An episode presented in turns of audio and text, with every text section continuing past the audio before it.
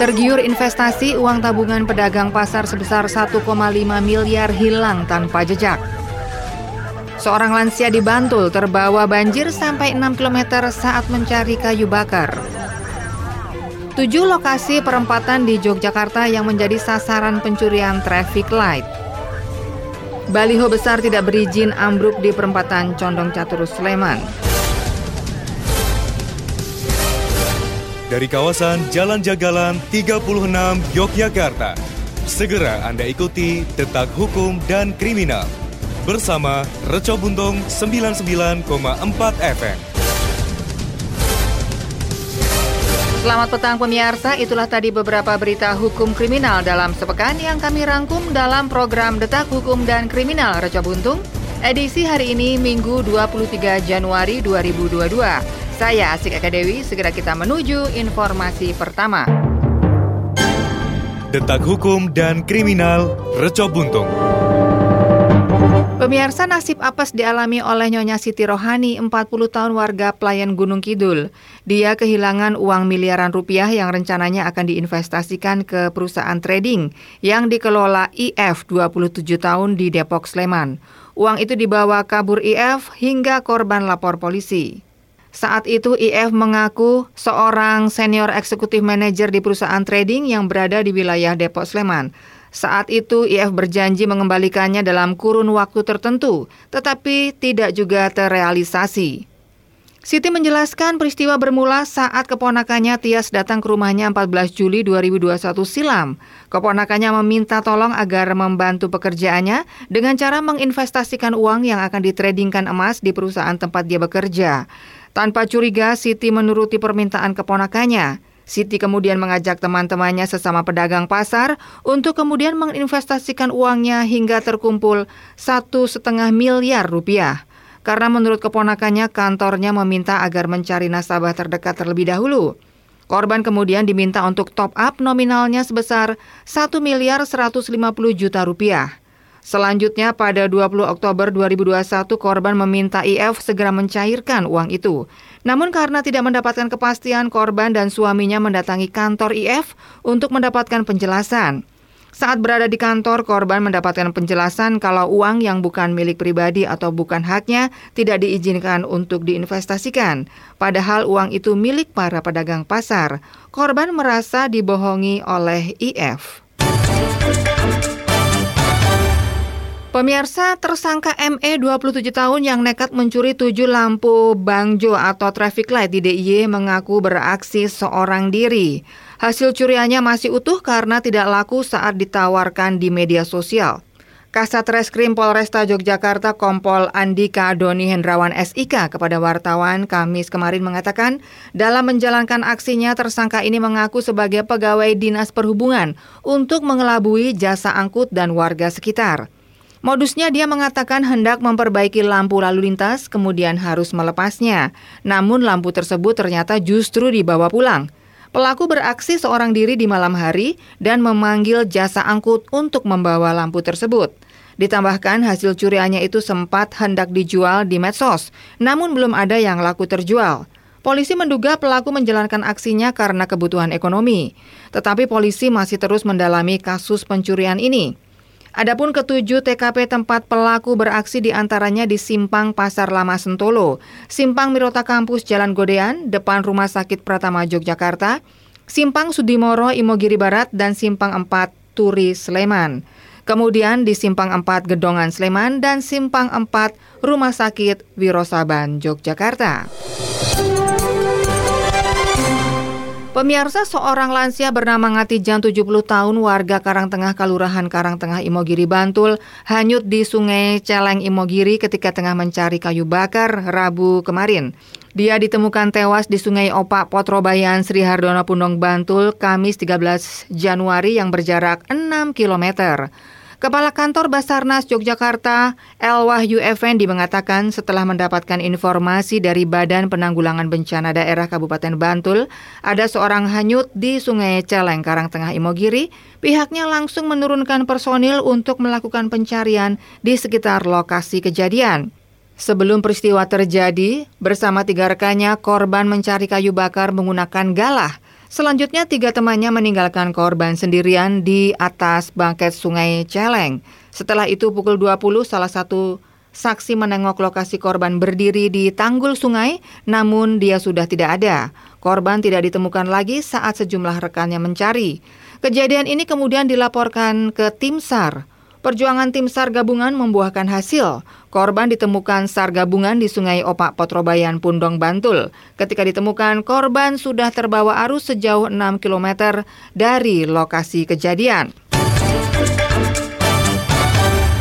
Pemirsa Wakil Ketua DPRD DIY Huda Triyudiana mengaku kaget dan menyayangkan adanya baliho berukuran besar tidak berizin, roboh dan membahayakan masyarakat sekitar.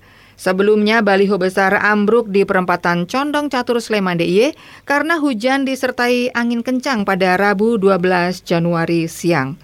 Baliho menimpa traffic light dan akibatnya jalan ditutup sementara untuk pembersihan. Beruntung tidak ada kendaraan yang lewat pada saat itu. Huda menyebut baliho tidak berizin yang roboh menjadi masalah yang berlipat. Standar pendirian baliho besar yang tidak berizin diduga tidak mengindahkan faktor keselamatan. Oleh sebab itu, Huda menegaskan kepada organisasi perangkat daerah atau OPD yang menangani masalah perizinan pendirian baliho agar segera bertindak dalam menertibkan.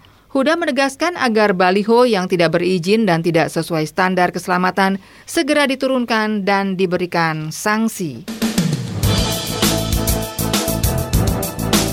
Pemirsa, kita hentikan sejenak detak hukum dan kriminal Reca Buntung untuk kita ikuti kumandang adzan maghrib untuk daerah istimewa Yogyakarta dan sekitarnya. Allahu Akbar Allahu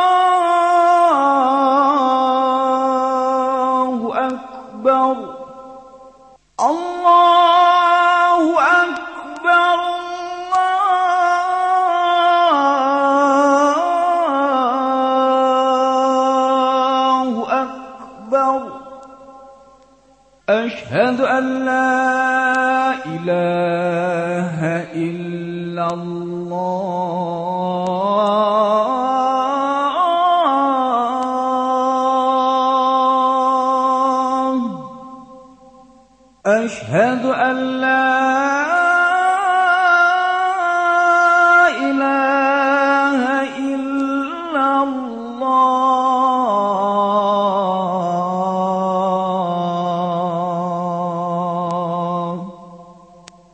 أشهد أن محمدا رسول الله.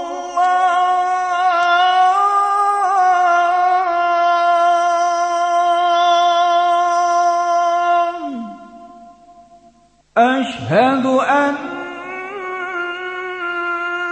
محمدا رسول الله.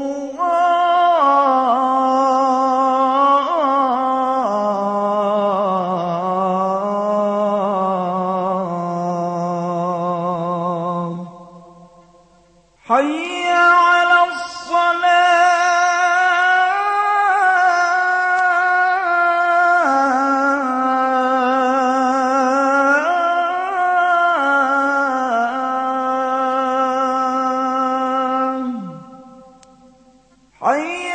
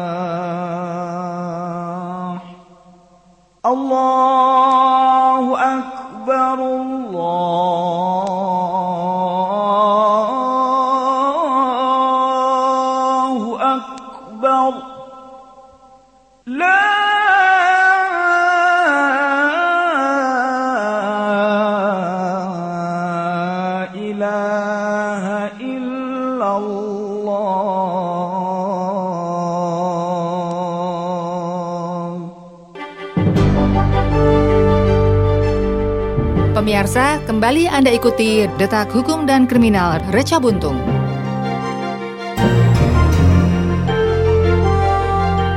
Pemirsa Polisi Militer TNI Angkatan Laut menahan anggota yang diduga memukul pengemudi ojek online atau ojol di Tangerang Selatan. Penahanan dilakukan untuk pemeriksaan lebih lanjut. Demikian Kepala Dinas Penerangan TNI Angkatan Laut Laksmana Julius Wijoyono saat dikonfirmasi hari Selasa 11 Januari. Julius tidak menjelaskan sejak kapan anggota itu ditahan. Ia pun belum dapat menjelaskan lebih rinci mengenai kronologi pemukulan yang dilakukan oleh anggota itu. Polsek Pamulang, Tangerang Selatan sebelumnya digeruduk oleh masa driver ojol pada hari Minggu 9 Januari malam.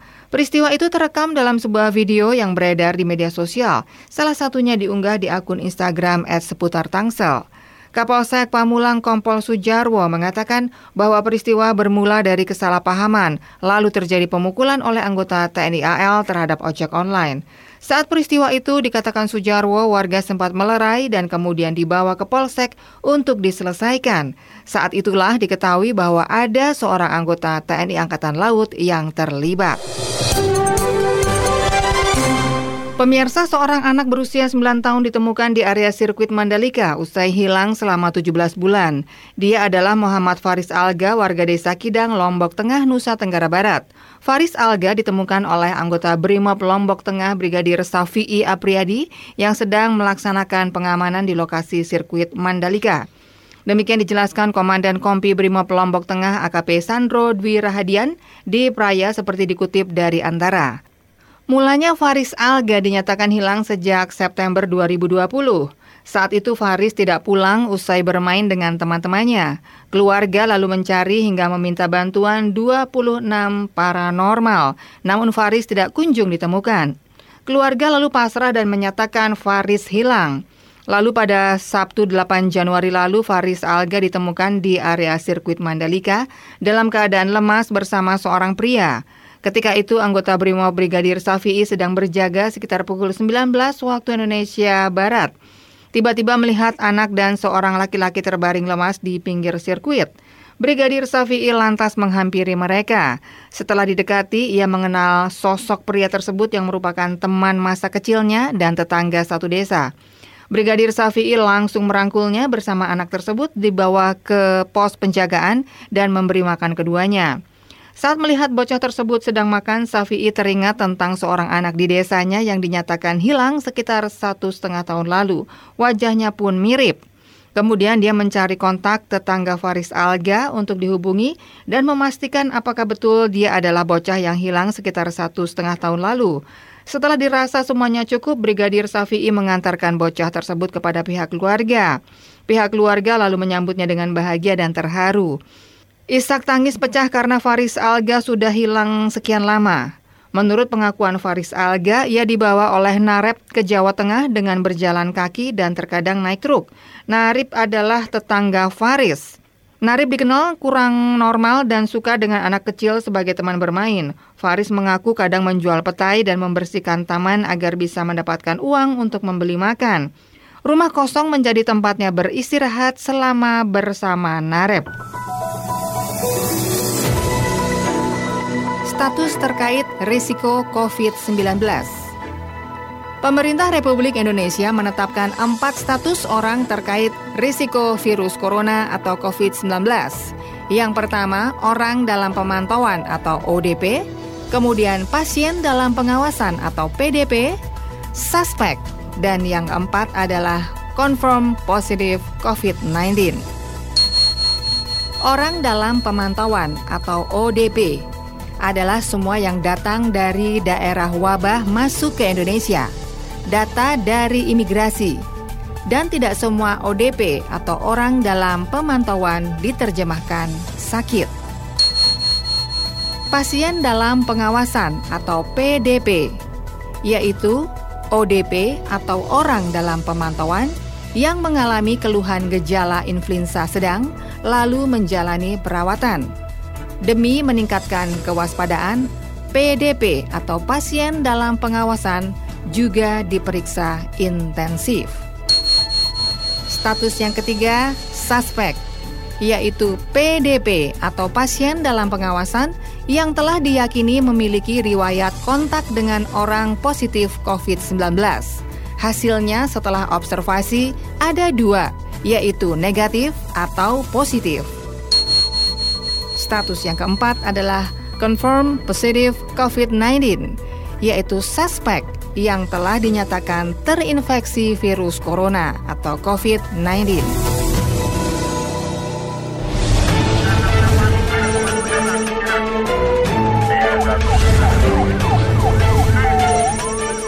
Pemirsa, informasi tadi menutup jumpa kita di Detak Hukum dan Kriminal Reco Buntung edisi hari ini Minggu 23 Januari 2022. Ikuti Detak Hukum dan Kriminal setiap hari Minggu dan jangan lewatkan Detak Deretan Warta Aktual esok petang pukul 18 waktu Indonesia Barat yang disiarkan dari Reco Buntung 99,4 FM. Saya Asik Eka Dewi undur diri, selamat petang, jangan lengah dan tetap waspada. Pemirsa, telah Anda ikuti Detak Hukum dan Kriminal. Produksi Reco Buntung 99,4 FM.